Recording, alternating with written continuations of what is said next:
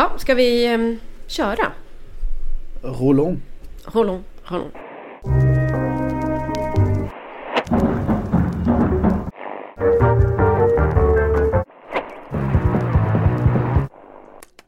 Ändra på ditt liv idag. Sätt inte framtiden på spel. Handla nu. Vänta inte längre. Man hade kunnat tänka sig att det var Greta Thunberg. Eh, det är faktiskt Simone de Beauvoir som får sätta ribban och eh, tonen i dagens och veckans eh, fotbollradikal eller fotbollradikal kanske möjligtvis. Vi kommer ha lite norsk slagsida idag tror jag. Hur är läget med dig Simon Bank?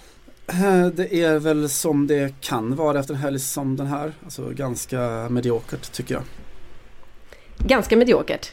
Mm, total mediokert. Jag vet inte, det var eh, om man ska förpusha någon form av kulturtips så vill jag gå tillbaka till min barndoms litteraturkanon och lyfta Hans-Erik Engqvist, kommer du ihåg honom? Nej. Det var han som skrev Arsenal, Tottenham lika med mord. ja, okej. Okay. Det var min helg det, hur har du haft det? uh, jag, jag har haft det lite lugnare kan jag säga, eller lugnare. Jag um, är ju en sån eh, modern Premier League-tittare numera så att jag tittar på de matcherna där jag har många spelare i mitt fantasylag. Och fick eh, bestämma mig för att hoppa över ett av alla derbyn och tänkte ah, jag tar väl eh, kanske det uh, Arsenal-Tottenham-derbyt ändå. Mm, det var fint. Ja, det var ju helt rätt uh, val så här i efterhand. Uh, jag åkte nämligen upp till Champs-Élysées för att titta lite på skadegörelsen efter de gula västarna som ni har talat om. De här stora mm, demonstrationerna i Frankrike som har eh, blivit eh, ganska våldsamma på många håll. Och eh, där befann jag mig när ditt gäng drabbades av lite samma öde får man väl säga kanske i North London-derbyt. Ja, det låter som ett tema för helgen då med, med skadegörelse och som underhållning. Lite underhållningsvåld. Exakt så. Eh, de gula västarna har ju satt eh, till slut, höll jag på att säga, det var väl en tidsfråga, ett eh, avtryck på fotbollsvärlden. Det har precis annonserats idag för en liten stund sedan att PSG Montpellier på lördag kommer att skjutas upp för nya demonstrationer är annonserade. Så att det kan bli så att den första fotbollsmatchen helt enkelt ställs in då.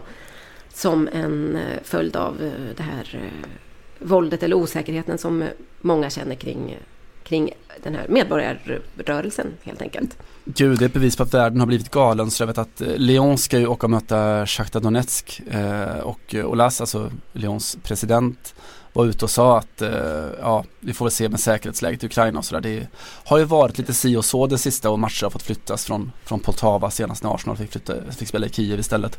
Och eh, från Shakhtar-håll så kontrade man med att säga att ja, ja, men det verkar ju som att det är lite lugnare här än det är i Frankrike i alla fall. Helt riktigt eh, tror jag. Mm. Det är väl ehm, också utifrån som några av de kanske de bästa reaktionerna kommer på det här. Vi pratade i förra avsnittet, jag pratade om att eh, Pamela Anderson hade åkt ur franska Let's Dance och att det kanske var bra för förhållandet med hennes Marseille-back och eh, pojkvän Adil Rami så att de kunde ses lite mer. Vi kan konstatera att det var också ett, eh, det var bra, en bra händelse också för världen och politiken och filosofin. För så här skrev Pamela Anderson angående då de gula västarna och demonstrationerna och våldsamheterna i Frankrike i helgen på Twitter. I despise violence. But what is the violence of all these people and burnt luxurious cars compared to the structural violence of the French and global elites? Mm, Pamela ändå. Det är ett Eh, det hänger ett frågetecken där, ganska många frågetecken där kanske man kan säga. Men det är ändå en, är det liksom lektion 1A i, eh, vad ska man säga, inte, bara, kanske inte postmodern analys, men eh, jag skulle säga att hon hade grejat de flesta tentor som jag skrev i sociologi A i alla fall med eh, den här insikten. Ja men grundtänket att eh, det är väldigt lätt att förfära sig över våldsamheterna eller skadegörelsen som du pratar om men, eh, och bli blind för den enorma våldsvåg som eh, äger rum dagligen, stundligen, timligen och sekundligen. Det vill säga den som sker i, i eh, klasskampens dräkt om man nu får prata om klasskamp. Eh, och det får man väl just här i alla fall. Att eh, den har en hel underklass som utsätts för eh, våld som får sina liv förstörda eh, i jakten på vinst och profit så kanske en pajad bil eller två är något man får eh, stå ut med helt enkelt. kommer du ihåg när eh, Pamela Anderson och Adil Rami blev tillsammans och du och jag spekulerade lite i vad, vad pratar de om? Hur ser liksom ett samtal mm. ut där och hur är hans engelska och så vidare. Eh, nu har man ännu fler funderingar kring det fast eh, på ett, en helt annan nivå. Är, är det mm. här deras middagssamtal? Eh, är, är, det liksom vem lär vem? Och ja. Ja, jag vet inte, känner också, känner också Pamela Anderson att hon, hon kommer till Frankrike och lär ut Foucault till Adil Rami? Eller har han redan tutat i henne det här sen första dag och här kommer resultatet? Ja, det kan ju vara så. Det är också en, en form av adoption som man ju har så oerhörda sympatier för. Eh, alltså jag tänker inte på att, att Pam skulle ha adopterat Adil utan snarare att hela det franska folket har fått en, en sexsymbol, en blond eh, skönhetsdrottning som kommer dit och som eh, på liksom någon form av åldershöst inte blir fascist i sin, eh, sitt sociala engagemang. Det brukar vara att de, de, de brukar börja gilla hundar och eh, engagera sig mot pälsbärande och bli halvrasister istället. Ja, men de, de alltså vi pratar ju om Brigitte Bardot där och de har ganska mycket gemensamt ändå får man säga för att eh, båda är djurrättsaktivister. Eh, Brigitte Bardot har ju tagit en lite mer eh, fascistisk utväg. Hon är en, en av eh, Jean-Marie Le Pen, alltså Marine Le Pens pappa, den gamla inrökta rasbiologen får man väl säga, rasideologen i alla fall. Hans, eh, hör till hans supporterskara. Men Brigitte Bardot eh, deltar också i de här gula västarnas protest och har fotograferats med just den här gula reflexvästen som för övrigt finns i alla franska bilar. Det är lag på det så att därifrån kommer de här västarna och den tillgängligheten som finns för alla bilister i Frankrike att dra på sig den. Ja, man undrar lite om, om alltså hela det här västmodet kommer av att, eh, jag säger inte att det är så, men jag ser att Erik Hamrén har varit på Stade de France och spelat med Island, gjort ett bra resultat och sen en månad senare så slår de sönder bilar klädda i väst. Jag vet inte. väst när det gäller. Ska vi eh, titta lite på vad som hände igår, också i Paris. Vet inte, ibland inbillar jag mig att vi har fransk slagsida på podden på grund av mig och dig. Ibland inbillar jag mig att faktiskt precis allt eh, händer i den här stan. Det är svårt att säga något annat än att eh, Ballon d'Or-galan i alla fall var i Paris igår. Har jag rätt? Var, ja, och, och att det faktiskt var där det hände. Alla i hela fotbollsvärlden kikade på det, alla utom Neymar möjligen då. Som upptagit med annat. Ah, det var väl ganska många som inte kikade på det, för det fick jag en känsla av när det var ganska många som såg eh, en del klipp ifrån galan. Men det var väl typ i Frankrike och Norge så vet jag att den gick på tv. I Sverige tror jag inte den gick att se, i alla fall inte med textat och så vidare va?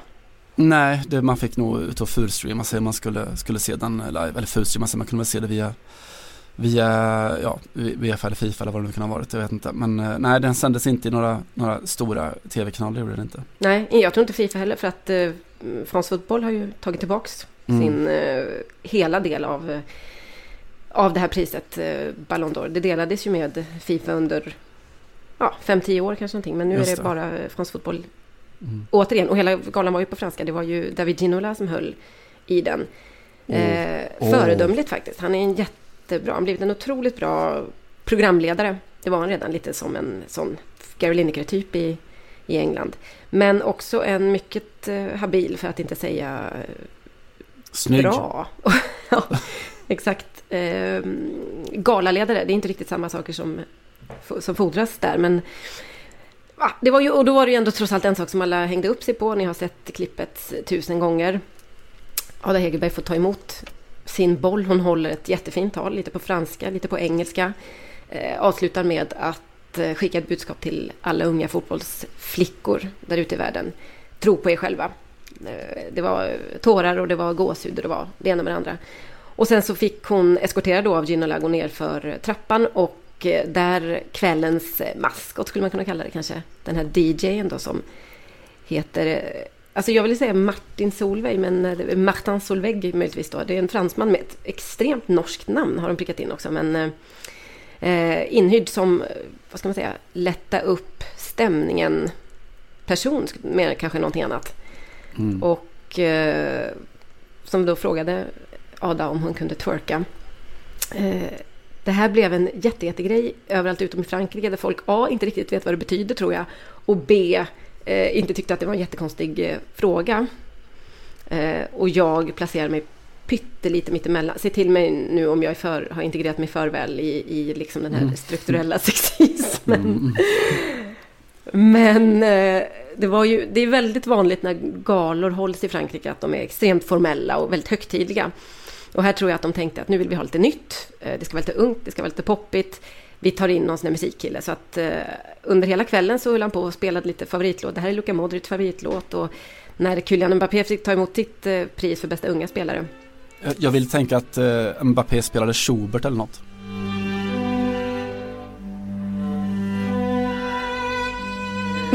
jag tror inte att de hade. Jag vet inte om han fick någon låt. Uh, ja, de spelade ju den här Veggie Dream, Ramener la Coupe à la Maison, som är den oh, lite officiella VM-låten.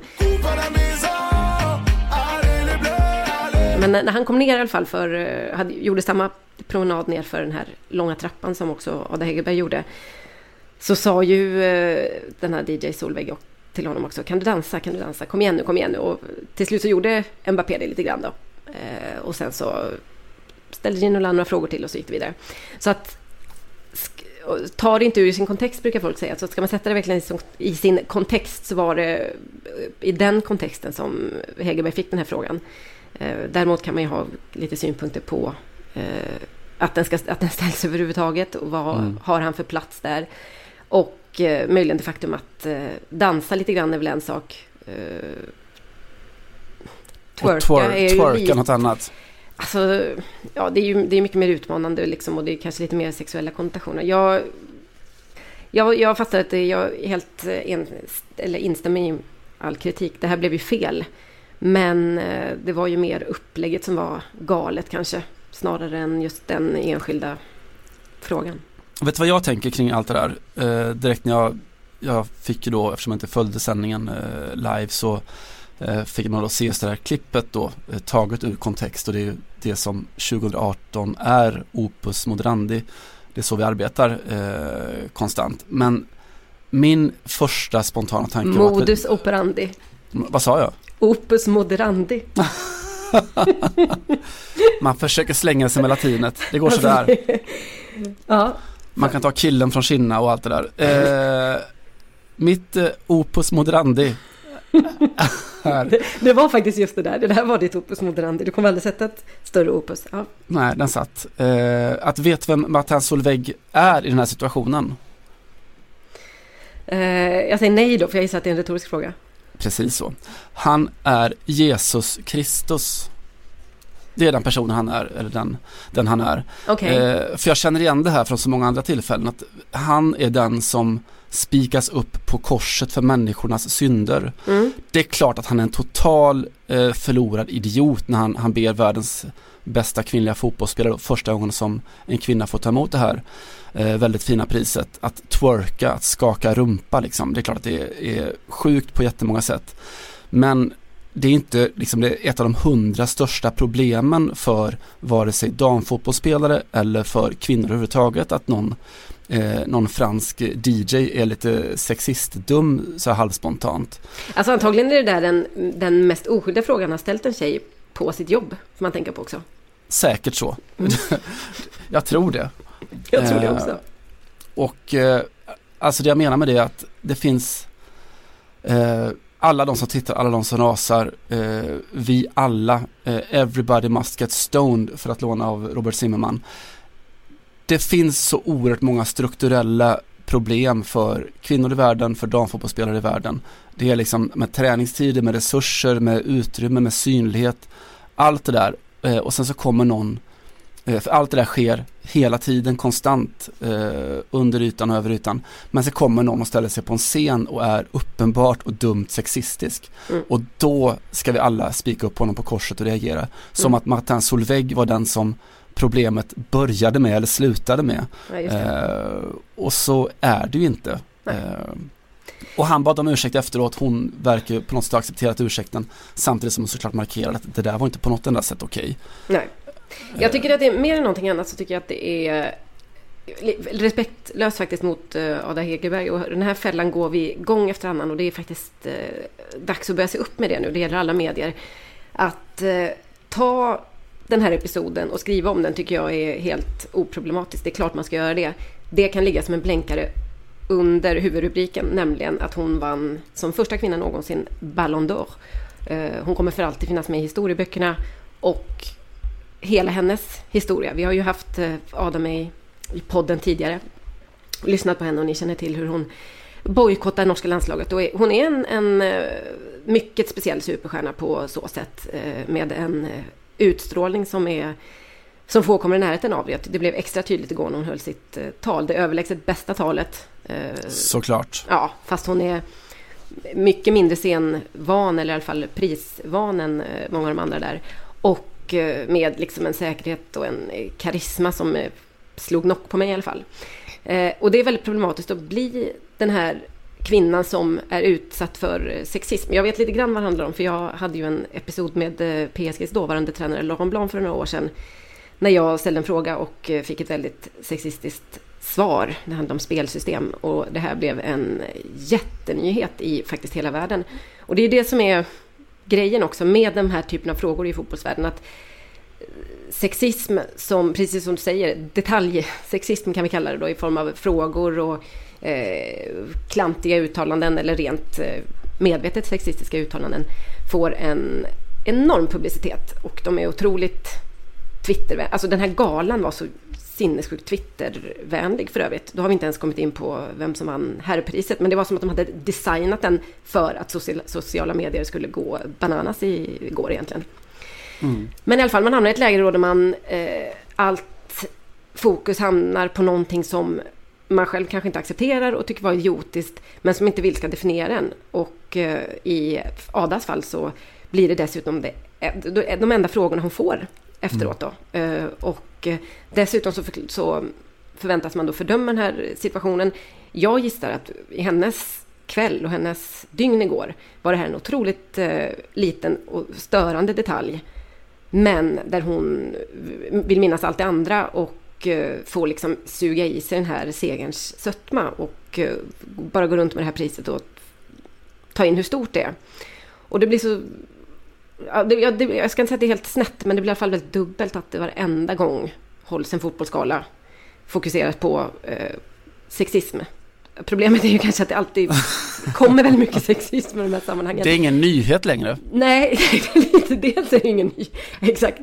Den första sexistfria fotbollsskalan Då för damer. Då kanske vi ska liksom eh, ändå sätta rubriker och så. Nej, jag vet inte. Det, det blir väldigt eh, tråkigt, lite respektlöst för den som vinner priserna, det är det jag vill säga. Jag, vet, jag har pratat också med damfotbollsspelare som tycker att eh, så det är viktigt att sånt här uppmärksammas, men det är tråkigt både som individ och ambassadör för sporten att en av två artiklar handlar om eh, att någon kvinna eller kvinnlig fotbollsspelare har blivit utsatt för någon annans idioti.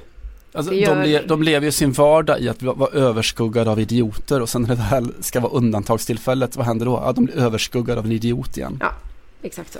Tufft. Och den alltså, typsituationen du pratar om, det där med, med Ada Hegerbergs situation som ju är såklart komplicerad just när det här uppstår. Liksom. Hon har en, en tusendels sekund på sig att reagera på rätt sätt. Eh, som du med Laurent Blanc eller eh, det som jag har lyft förut med, med för något, kanske tio år sedan i tysk fotboll i Bundesliga när Bibiana Steinhaus, en eh, Tysklands då eh, främsta kvinnliga domare som då dömde herrmatcher på högsta nivå. Eh, och i en matchsituation så råkar en då manlig spelare komma åt hennes, eh, hennes bröst med handen. Mm. Totalt eh, ofrivilligt, eh, totalt oförhappandes. Mm. Eh, och hon ställs också inför den här situationen att på en millisekund, det är som jag kör bil ungefär, ska jag till Skövde, ska jag till Skara, ska jag till Skövde, ska jag till Skara. Du står i valet mellan eh, integriteten eller självdistansen. Mm. Och du måste, måste bestämma dig i ögonblicket på en enda millisekund. Mm. Eh, Ada Hegerberg, precis som Bibiana Steinhaus, precis som Johanna Frändén eh, löste det eh, alldeles, alldeles utmärkt.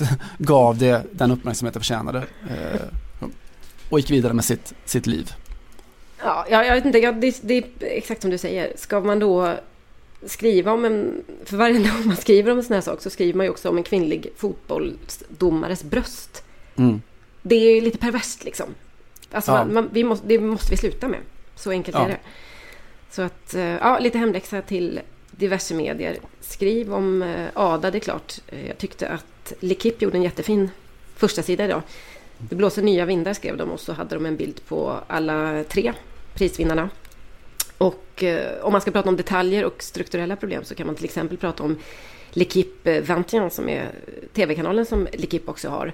När de skulle prata ner priset eller sitt kvällsprogram så eh, nämnde de inte eh, Ada Hegerberger dampriset vad jag kunde se. Och det här handlar om ett eh, problem som är desto större, desto mer strukturellt och väl värt att uppmärksamma, nämligen att väldigt många eh, manliga fotbollsexperter i internationell tv kan inte säga, alltså att de inte tar upp det för att ingen har någon, ja, ingen kan tala på ett trovärdigt sätt om ifall hon var en rättmätig vinnare, eh, om någon annan borde ha fått eh, priset och så vidare, för den kompetensen finns inte. Eh, det skulle jag vilja sätta en rubrik på. Mm. Och det här, och för att återkoppla till eh, de gula västarna eh, så handlar det också om, om ekonomiska strukturer, det är där man landar till slut. För att pengarna, makten och härligheten finns inte i, kring kvinnors idrottande. Alltså så sysslar inte eh, de som är främst i branschen med det. Just det. Men eh, ska man summera det så säger jag som man sa på dagis, stopp min kropp. Det låter fint. Stopp din kropp och så går vi ändå in på manskroppen lite grann för det delades ju ut ett herrpris också. Gud vad skönt. Det var faktiskt ett herrpris på den här galan igår också. Även om det kom lite i skymundan. Eh, Luka Modric vann det, ingen jätteskräll. Eh, det intressanta tycker jag med efterspelet till eh, Le Ballon d'Or är ju att det är väldigt många människor och tyckare som är jättesäkra på att det här var fel. Mm. Alltså det, det var så sjukt fel att ge Luka Modric priset. Och sen kan de ha lite olika egna um, första namn då, eller alternativa segrare. Men alla tycker att det här var skandal. Och då kan det vara från franskt håll att man tycker men det är väl givet att eh, Griezmann ska ha det här priset. Han har vunnit VM, hur kan inte, hur kan inte det vara eh, avgörande i en sån här, ett sånt här år liksom? Och många andra som tycker att Leo Messi, det är så himla självklart, han är världens bästa spelare. Hur kan man ens prata om något annat? Det är inte seriöst och så vidare. Eh, också sett den här kommentaren på vissa håll. Juryn, tittar de bara på VM och stänger av eh, tvn sen? Eh, ska vi prata lite om juryn? Eh, Ska jag bara gå igenom det lite snabbt hur det går till då i eh, Ballon d'Or så att vi inte så att den inte ska hänga där som liksom en liten inkompetent eh, korrumperad eh, expertgrupp. Det här handlar alltså om eh, journalister från 180 länder. Offside är det som har Sveriges röst Just det. fortfarande. Och eh, de ska välja ut då årets fotbollsspelare, manliga, ut efter tre kriterier. Den första är individuella och kollektiva insatser. Inom parentes segrar från året som gick. Nummer två är player class, alltså hur, hur bra är spelaren? Inom parentes talang och fair play. Och nummer tre, spelarens karriär. Just det. Det är inte glasklart vad allt det här innebär eh, exakt.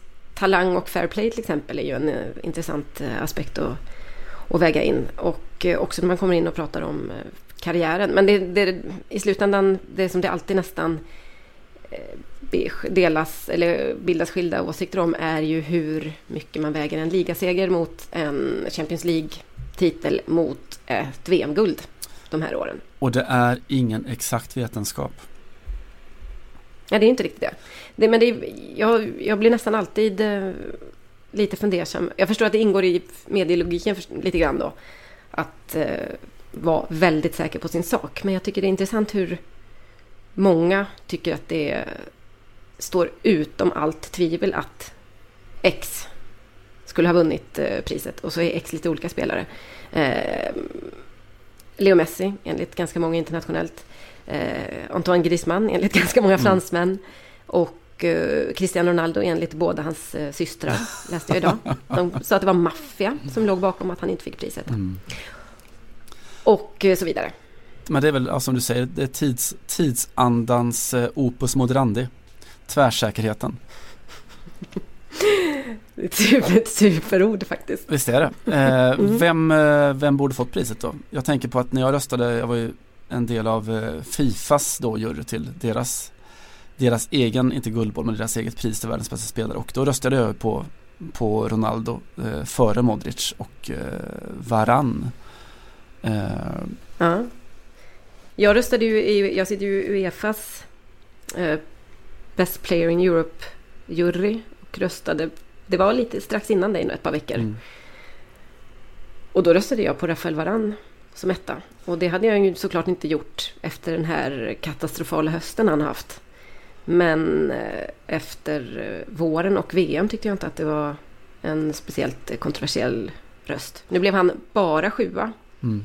Och det ropar, många ropar på skandal i Frankrike över det också. Men det är väldigt lätt att ha sista två, tre månaderna på näthinnan när man eh, pratar om de här priserna. Jag tror att många gör det misstaget. Det är svårt att värja sig ifrån kanske, men det blir lätt så. Ja, men hela syftet med den här sortens utmärkelser är väl, är väl egentligen diskussionen kring det. Att väcka någon form av diskussion.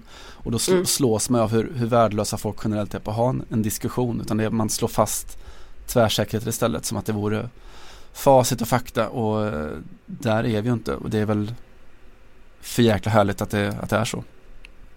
Ja, plus att det är ju hela poängen med de här eh, priserna. Men återigen, de hade, France Fotboll hade ju inte kunnat iscensätta en mer sociala medier-vänlig gala på alla sätt. Alltså det slog verkligen taket överallt. Mm. Eh, bra jobbat eh, fransoserna mm. som eh, ordnade galan. Så det är mycket för gala. Det har ju spelats eh, fotboll också, ett par mästerskap, eh, en bit under radarn kan man väl säga. Dels så noterar vi att i helgen så ledde en svensk tränare ett eh, internationellt eller ett eh, icke-svenskt landslag till en eh, stor kontinentaltitel vilket då möjligen ledde till någon, en notis eller två i svensk press. Men eh, här så lyfter vi i alla fall att Thomas Dennerby tog Nigeria eh, och gjorde dem till afrikanska mästare då med ganska många svenskbaserade spelare i, i truppen. Eh, det är en stor prestation och en stor titel man kan väl notera så att Nigeria är ju vana vid det där. De har vunnit, tror jag, tre år i rad om jag inte är helt snett på det.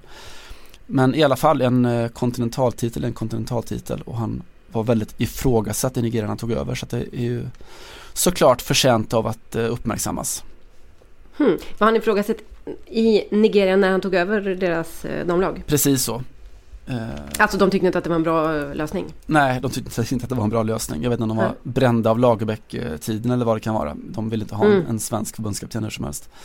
Ja, just det. Men han tog över, de hade problem med målskyttet under, under hela turneringen egentligen men, men vann ändå på stra mm. straffar mot Sydafrika i finalen. Nigeria are the ninth champions in this competition! History for Nigeria! Ja, vi har ju Spaniens La Rojita, U17-tjejerna som eh, vann VM i Uruguay mot mm. Mexiko i finalen också. Ett VM som eh. Sverige sökte förresten. De ville arrangera det U17-VMet men det gick till alltså. Uruguay. Ja, så var det. Mm, mm, se där. Eh, det, var, det finns eh, ett kul sammandrag som jag ska lägga, eller kul, finns ett sammandrag att titta på av eh, finalen och eh, många har fått upp ögonen för Barcelonas Claudia Pina. Hon är bara 17 år, en supertalang och eh, gjorde Spaniens båda mål i finalen. Eh, det här var första gången ett U17-VM spelades. Spanien hade faktiskt vunnit EM i somras gick det, tror jag. Mm. De ligger lite, o, i lite otakt där. Eller ja, i takt då, om man har bra form såklart. Men en spelare att hålla ögonen på och lag som noterade jag i alla fall många spanska herrspelare har ögonen på. Mm. Det här har vi pratat om, jag vet inte hur många gånger.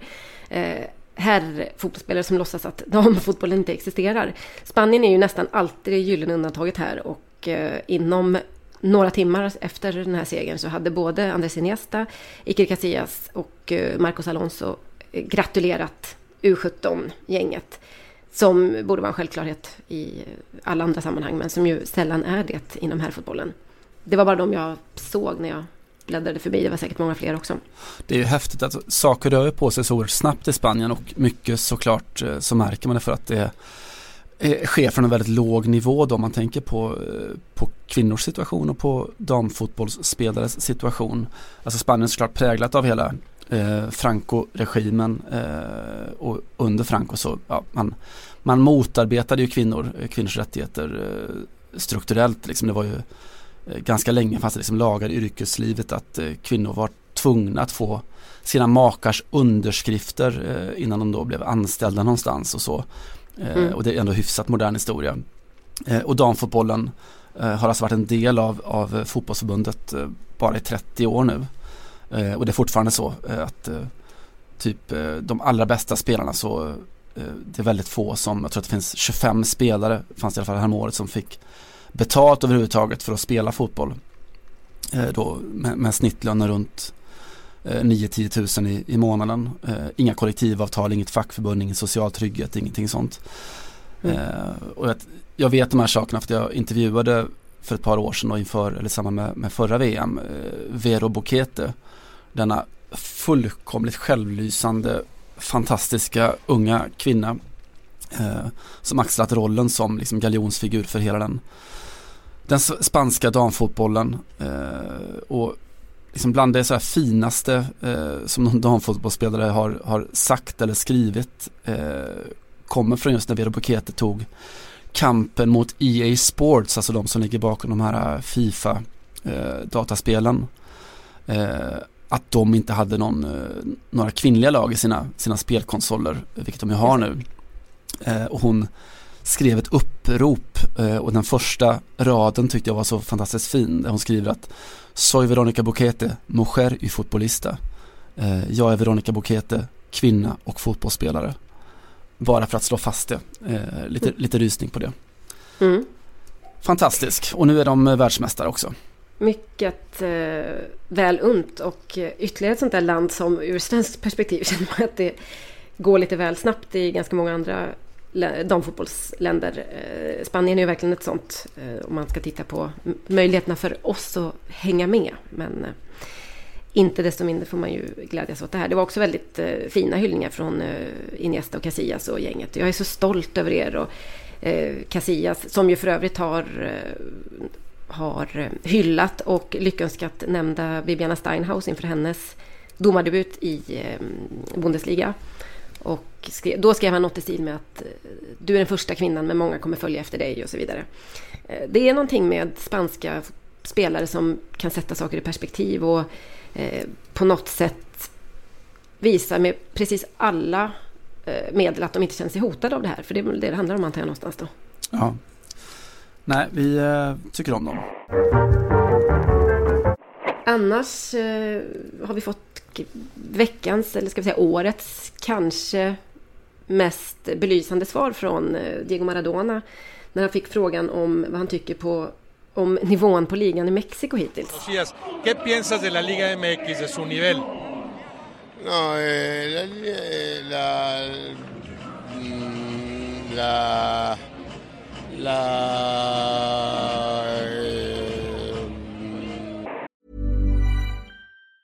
Say hello to a new era of mental health care. Cerebral is here to help you achieve your mental wellness goals with professional therapy and medication management support. 100% online.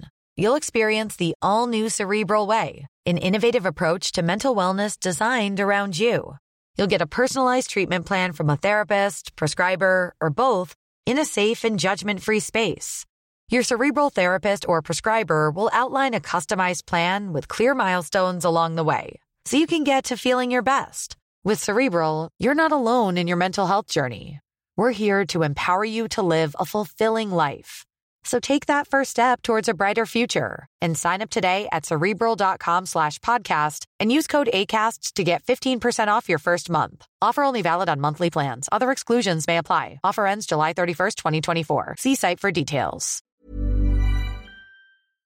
Annars i den stora världen utanför sidlinjerna så är det såklart att man, man pratar väldigt mycket om eh, att jorden håller på att gå under såklart. Eh, klimatkrisen har hoppat upp front and center eh, med då såklart eh, eh ja, debatten i, i Polen och mötet, det politiska toppmötet där. Eh, verkar... Du hörde mitt inledningscitat av Simone de Beauvoir. Det var det mest miljövänliga jag hittade från henne faktiskt. Ah, det var så pass? Ja, jag tyckte det. Mm. Eh... Ändra livet eh, själv idag. Gamla inte med framtiden. Vänta inte. Det är det som krävs eh, och det verkar som att eh, allt fler eh, också förstått det och insett det. Även i fotbollsvärlden kanske, eller kanske inte. Jag noterade alltså de senaste veckorna bara så att det är ganska många Premier League-klubbar som har fått rubriker för sitt miljöarbete. Jag vet att Manchester City och Manchester United har gjort haft stora projekt och lokalt där de har eh, sett till att ta, ta klimatansvar. Eh, Arsenal eh, har fått stort beröm då för att man, har, man är Storbritanniens första klubb som har på Emirates Stadium eh, installerat någon sån där batterivariant som man ska kunna driva elen på hela Emirates under, under matcher och sådär med, med grön, grön energi. Eh, jättefint och sådär men det är också Batterivariant, förklara vad det innebär. Ska jag förklara det också? en batterivariant som kan driva elen på Emirates. Ja, att de istället... Förlåt, jag vill inte, sy jag vill inte syna dig här, men det lät ju inte tokgrönt utifrån. Du zon... är, det, är, det so är det solen i norra London som ska lösa detta? Jag tror, jag tror inte att det är solceller. Det finns ju för många, många klubbar som har det också. Sådana stora solcells, eh, att de samlar, samlar solenergi. Eh, det som Arsenal har är att de sparar någon form av batterienergi eh, som ska kunna driva hela arenan under, under matchdagar. Eh, okay. Och alltså inte göra av med någon, någon elak energi. Och det har de fått beröm för och det kan de ju få och sådär men samtidigt så vet man ju om att till exempel, och de är inte unika, men en klubb som Arsenal kan utan att blinka kan de ta flyget i 14 minuter till en, en bortamatch mot Norwich. jag skarvar alltså inte här utan de var häromåret uppe i 14 minuter i luften för att då slippa bilköerna och ta sig till, till Norwich.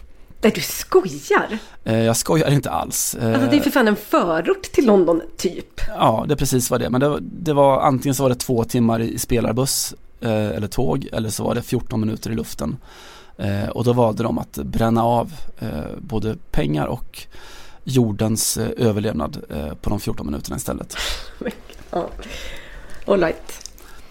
Så där är ja, det. Får, det sätter, ju, sätter ju nästan det där självgenererande elbatteriet på eh, Emirates i ett lite dåligt dagar om jag får uttrycka min, mina innersta känslor. Mm.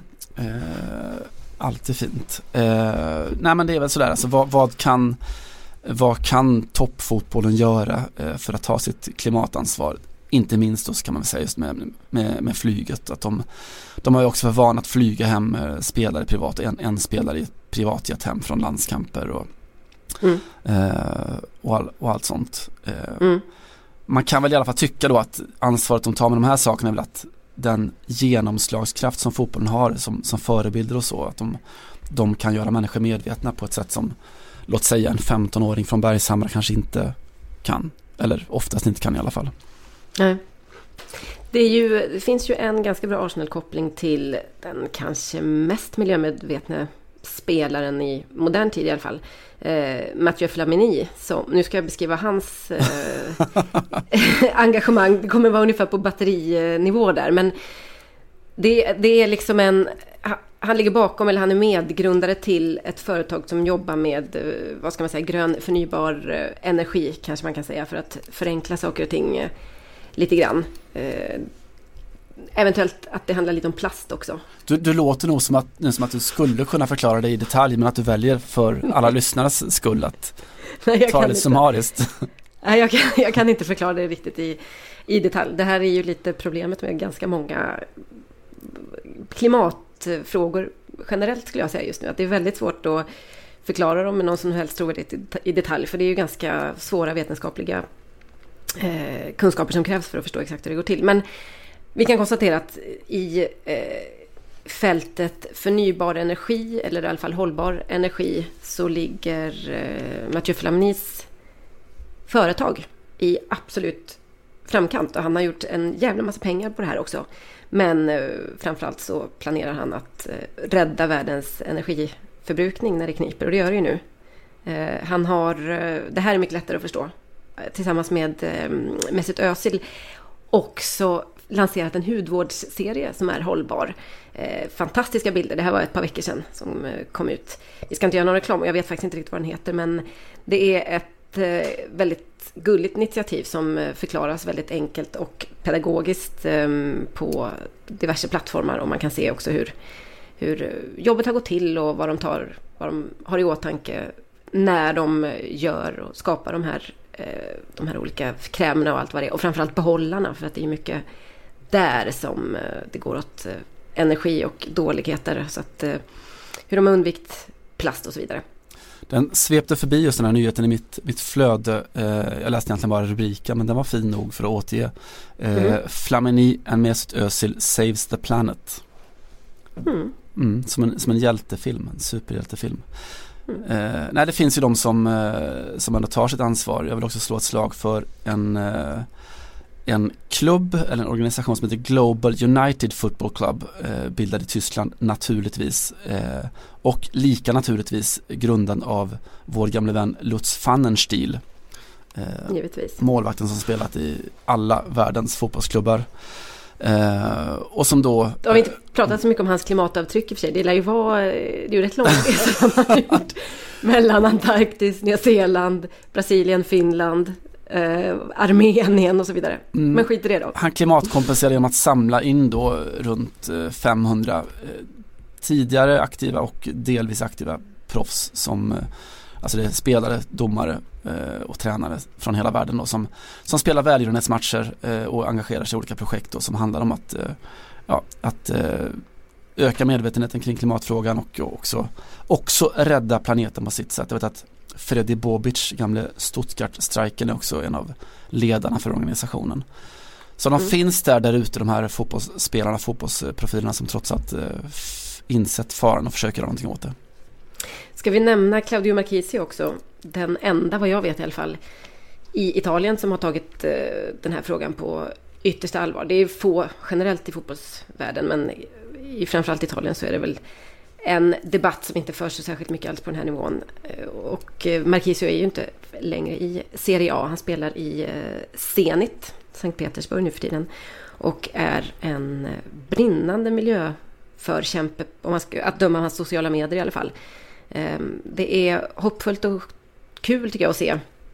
Det lite tråkiga i kråksången var att jag pratade med en italiensk journalist och frågade om vad han trodde om det här engagemanget och hur det kommer sig att det har blommat ut nu och så vidare. Och han sa att jag tror att det handlar om att eh, Marquisi har flyttat utomlands för att eh, Italien hade det inte riktigt gått att hålla på sådär tyvärr. Vilket ju är en eh, extremt dystopisk analys av eh, läget men som jag inte, inte tänker underkänna från någon som har bevakat eh, Serie A-fotboll i 30 goda år. Du menar att så länge som man är kvar i Italien så förväntas det att man, eh, man spelar sin fotboll, säger sina dumma saker, gifter sig tidigt med sin Velina och eh, så är det inte mer med det eller? Nej, det är väl lite grann så. Jag tror också att alltså i Italien, det, vi pratar ju ofta om den globala fotbollen och, och de här bisarra gulfstaterna som är inne och sponsrar och så vidare. Och vi har pratat om Qatar och VM och, och hit och dit. Svenska landslaget ska ju dit på någon form av januariresa nu också. Är det, är det väl. Eh, men jag menar Italien så är ju maffiabossen inom fotbollen har ju funnits så otroligt länge. Och eh, där det allt egentligen bygger på att eh, spelarna inte ifrågasätter strukturen får man väl säga. Mm. Den, en bra fotbollsspelare är ju en fotbollsspelare som en, inte gör det. En död fotbollsspelare? Nej, men en tyst. Skulle jag säga. Ja, eller tysk. Uh... Kanske ännu mer.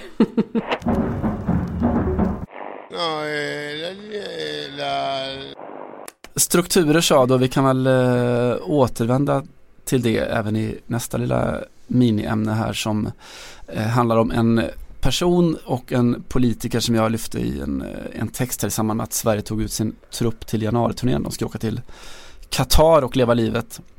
Eh, jag skrev lite om, eh, om François Ruffin eh, som är det närmaste som Frankrike har en Michael Moore, en då politiskt engagerad vänsterinriktad dokumentärfilmare. Eh, han har då gett ut en, en dokumentär för ja, 2015 tror jag det var, eh, som heter Merci Patron, eh, där han då granskar och skildrar hela vad som hände med den franska arbetarklassen när storföretagen, storfinansen går utomlands då istället på lägger ner fabriker, går utomlands i, i jakten på större profiter och så. Eh, han är också eh, då eh, politiker, sitter i andra kammaren i Frankrike eh, och dessutom fotbollsman. Eh, han i fjol så klev han upp då i, i kammaren med en fotbollströja på sig, Olympique och Courtois, eh, ja, en grön fin tröja. Och pläderade mm. för ett lagförslag som har lagts eh, som handlar om någon slags eh, solidaritetsskatt på stora idrottsövergångar, alltså inte bara fotboll. Le maillot que je porte aujourd'hui c'est celui de l'Olympique au Courtois. Grunden i lagförslaget handlar alltså om att om du lägger väldigt massa miljoner på att göra en stor värvning så ska du också då skatta eh, 5% i Frankrike. Eh, de här 5% ska då slussas vidare till amatöridrotten för att bygga upp den för att eh, göra ungdomars eh, idrottsliv enklare och med större möjligheter. Mm. Om man till exempel då plockar upp Neymar-affären, vilket är lätt att göra, så hade alltså det betytt att, att PSG skulle skattat ytterligare ungefär 100 miljoner kronor då som skulle gå till ungdomsidrotten. Ja, just det. Det här är, lagförslaget kommer inte att gå igenom. Eh, förstås det finns jättemånga argument emot det. Eh, det som har lyfts då som ett bärande argument mot då från, från elitklubbarna i Frankrike är att det skulle försämra deras konkurrenskraft så oerhört mycket mot eh, andra klubbar internationellt då, som inte alls har den här sortens skatter på sig. Eh, faktum är däremot att skatten finns eh, i, i, en väldigt större omfattning redan i, i Kina. Eh, ni vet de här senaste åren att vi har kunnat se hur väldigt många toppspelare, inte bara pensionerade toppspelare utan även de som är kanske 23-24 eh, går till Kina för att tjäna fruktansvärt stora pengar. Eh, det där har ju ebbat ut lite, det har inte alls varit lika mycket de senaste åren. Det beror på en, en just transferskatt som kinesiska staten införde. Mm -hmm. De får alltså böta, så om du är en, en ekonomiskt utmanad kinesisk klubb som värvar, eh, låt säga Zlatan Ibrahimovic för 2 miljarder kronor. Då tvingas du skatta 100%. Du måste alltså betala 2 miljarder ytterligare till staten då som sen slussas in i den lokala ungdomsidrotten eller nationella ungdomsidrotten. Det är det här som är det positiva med riktigt stora diktaturer. De kan bara fatta, vilka, det är väldigt oberäkneligt på alla sätt, eh, men när de fattar sådana här extremt eh, game changing beslut så bara slår det igenom på en gång. Liksom. Ja, man kan säga mycket om fascismen som är negativt men Det känns inte som att det behövde dras i så många instanser och debatteras i de kinesiska kamrarna så mycket kanske? Inte så mycket, det dras inte sällan i långbänk. Eh, men däremot alltså en, en fråga som, som på något sätt eh, hänger kvar. Du pratar om de gula västarna eller Gilets i, i Frankrike. Det är väl sådär, vad krävs egentligen för att fotbollen ska få samma sorts sociala massproteströrelser? Alltså som går utöver att man hänger upp en banderoll på arenan när det står att mot den moderna fotbollen eller kontroll calcio moderno eller vad det nu kan vara. Eh. Alltså jag, min känsla är att jag har trott hela tiden att nu kommer det nog snart, nu kommer det nog snart. Nu har det väl gått för långt. Men det mest, tror jag, det största hotet mot fotbollen och det som gör egentligen alla supportergrupper paralyserade är ju precis det som du pratar om av den anledningen som inte den här skatten kommer gå igenom. Nämligen att man inte... Det enda som är värre än att bli uppköpt av en skurk diktaturstat i Persiska gulfen är att man ska hamna på efterkälken sportsligt mot de andra. Mm. Det är ju, jag menar, för det i slutändan handlar det ju bara om att vinna titlar och det är ju exakt så. Det är ju en typ av terrorbalans som också väldigt många företrädare har använt när man har sålt ut sina klubbar, eller sålt då, sina klubbar i alla fall. Jag tänker på Barcelona som ju ändå är en medlemsklubb. Men också där eh, röstade fram en eh, junta, säger man, men en ledning då som, som eh, klubbade igenom samarbeten och och eh, sponsoravtal framförallt med Qatar under det liksom implicita hotet från eh, Sandro Rosell var det då som, som det här var väl han ställde upp som till ordförande. Han blev det sen. Nu sitter han ju i... Sen åkte han in på kåken, men det är en mm. annan historia. Eh, nej, men då sa han ju att eh, det här betyder eh, en miljard extra i klubbkassan och sånt där. Ni kan själva räkna ut eh, vad det innebär i en spelarintäkt. Eh, det kan vara skillnad på en spelare och inte en ny spelare i eh, den yppersta världsklassen och så.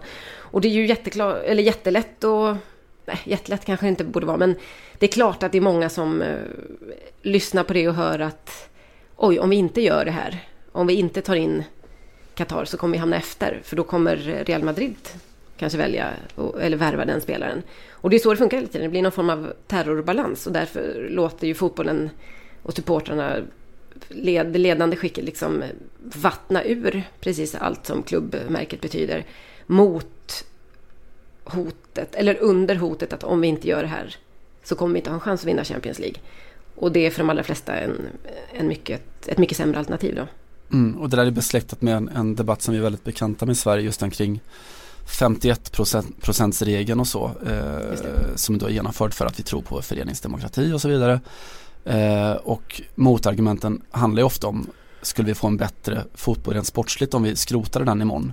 Och det är ju alldeles självklart att vi har fått det. Vi har fått bättre eh, organiserade klubbar, vi har fått bättre, större professionalism, större resurser, större möjlighet att hävda oss internationellt. Eh, och hur argumenterar man mot det då? Ja men det gör man ju, det enda sättet som man rimligen kan göra det på är ju med att säga att vi måste definiera vad är egentligen fotboll för oss. Är det, mm eh, och jag har ju landat i det, det som gör mig trygg i min, min syn på fotboll och idrott överhuvudtaget är att den ska vara demokratisk. Man börjar och slutar exakt just där. Fotbollen ska mm. vara demokratisk, ska vara en demokratisk rörelse. Alla frågor som följer efter det kan man besvara med just det. Om det handlar om supporterkultur, om det handlar om eh, föreningar, hur de är styrda, om det handlar om spelaraffärer, sponsorskap, vad du än vill. Eh, vill man, har man det som ledstjärna, som riktstjärna att fotbollen ska vara demokratisk så har man också svaren på alla de frågorna. Ja, men är det inte också lite så att det kanske är lättare att hota Barcelonas medlemmar mm. till exempel med detta. För de har ju vanan att vara där uppe. Mm. Alltså för dem skulle man ju ta bort någonting. Eh, det är 30 år sedan svenska klubbar var på någon form av liksom Europatoppnivå. Det har runnit rätt mycket vatten under broarna sedan dess. Så att det enda man känner här tror jag som supporter är kanske då att ja, men vi hade möjligtvis kunnat nå andra rundan i Champions League någon gång mm. då och då. En klubb från mitt land någon gång, eh, tre gånger kanske på tio år. Och att det inte riktigt är samma... Det är ju inte, det är inte alltså... Prislappen är mindre. Den, ja, det är klart att den är. Och vinsten är mycket mindre. Alltså man säljer ut någonting för mycket, mycket mindre eh, vinst på något sätt. Och jag tror att det, då är det lättare att resonera som att eh, äh, men det, vi kommer aldrig konkurrera där uppe i alla fall. Eh, och det hade man antagligen inte kunnat göra om man hade släppt det helt fritt i Sverige heller. För att det, vi har ju fortfarande ett skattetryck i Sverige som inte går att komma ifrån och som inte går att förhandla bort heller. Och där är, det, hade, det hade blivit för krångligt tror jag oavsett då, även om man skulle, om någon skulle pumpa in då mm. 30 miljarder i Malmö FF på tre år. Går inte heller med tanke på eh, Fifa Fair Play och så vidare. Så att. Nej, men det är ju, alltså, det är ju analogt med hela klimatdiskussionen och, och lösningarna, problemen som man har där.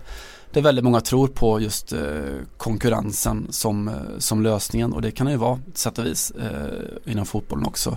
Men, mm. eh, men eh, ja, om jag ska stänga vår diskussion så om du inledde hela eh, poddprogrammet med att eh, citera Simone de Beauvoir så får jag väl stänga det med att citera Jean-Paul Sartre. Eh, L'enfer c'est les autres. Helvetet är de andra.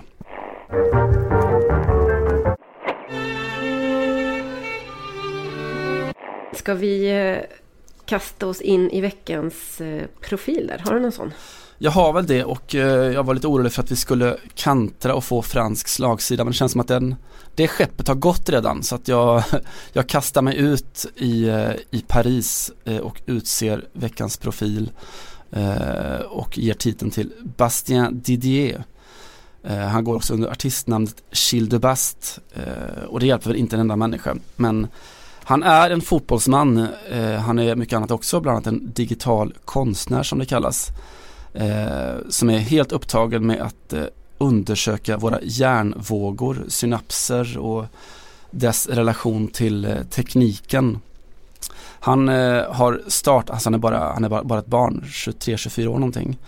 Eh, och har då, är en av de främsta experterna på just hur, hur hjärnan fungerar och hur man kan hur man kan förkroppsliga det som händer eh, inuti hjärnan. Eh, han har gjort det genom ett lekfullt experiment som heter Mentalista Football Club.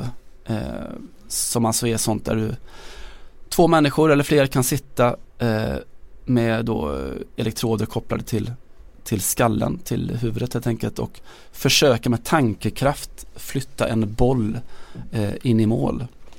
Eh, det låter som en myt men, Oj. ja, men det är fullt möjligt. Nej. Jo, precis så.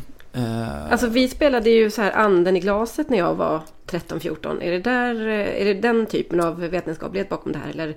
Man kan säga att eh, det här är väl lite, om du tänker att ni körde anden i glaset i Lerdala så är det här Paris-versionen av det. Eh. Steget är ungefär lika långt. Jag sa inte att jag hade slutat bara för att jag flyttade hit Simon. Ja, hur som helst så öppnar det ju ganska stora eh, perspektiv inför framtiden. Alltså om en människa kan styra en boll i mål, vad kan då inte eh, 50 000 människor på en fotbollsarena göra? Man skulle kunna fuska med att göra ersätta en vanlig boll med just den sortens bollar så skulle det jäklar mig bli hemmamål på Friends arena. Alltså nu kommer det nästa stora fråga. Eh, ska det svenska riksidrottsförbundet precis som med e-sport konstatera att det här kanske inte är sport? Förstår du den filosofiska Ja, det, det handlar väl om att det ska, det ska vara lite jobbigt och sådär att sporta. Jag vet inte, alltså e-sporten kan jag ju stå upp för lite också, men det är svinjobbigt att behöva gå till 7-Eleven och köpa cola eh, emellan man spelar och så. så att, eh, de kan förtjäna sin plats och jag tycker att, att det här är också jobbigt. Jag tror att det finns faktiskt för den som vill prova på, på Tekniska museet i Stockholm, tror att de har någon, någon lätt variant eller minivariant av det här eh, mentalista fotbollvarianten. Eh, som man kan testa och det är faktiskt rätt jobbigt, ganska uttröttande. Man får koncentrera sig väldigt, väldigt hårt. Ja, just det. Så in med dem i RF bara. Jag gillar att du stängde en dörr här nyligen. Jag tänker öppna den igen. Jag hade tänkt att tipsa om eh, en bok av Simone de Beauvoir. Jag har ju varit, eh, jag kanske inte varit jättedålig på att ge franska kulturtips, det har jag förmodligen inte, men eh, jag är ganska så dålig på kvinnor, konstaterar jag. Eh, så här har ni ett, Simone de Beauvoir som ju är mest känd för sin tegelsten, den feministiska idéverket Det andra könet. Men jag tycker att man har goda skäl att läsa boken En familjeflickas memoarer. Som är en sorts, ja som är själv självbiografi över hennes eh, uppväxt. Det är en bok som kom ut ganska så nyligen på svenska igen och som är värd att plocka upp för den som vill bekanta sig med en av Europas mest inflytelserika tänkare får man väl säga ändå. Tänk att det tog, vad är det, nästan 12 avsnitt innan vi tipsade om Simone de Beauvoir. Men nu var hon i och för sig med både början, mitten och slutet så att eh, vi kanske kompenserat för detta. Mm, det var på tiden.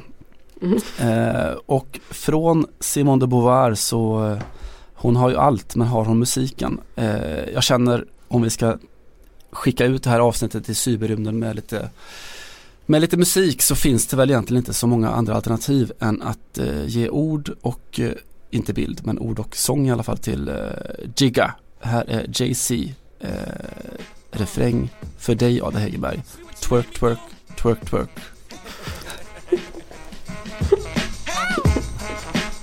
Underbart! Uh.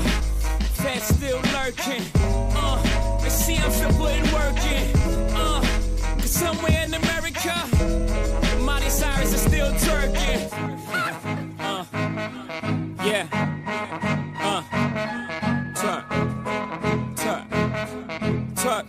Uh, twerk, Molly, Molly, twerk, Molly, Molly, Molly, twerk, twerk. Yeah.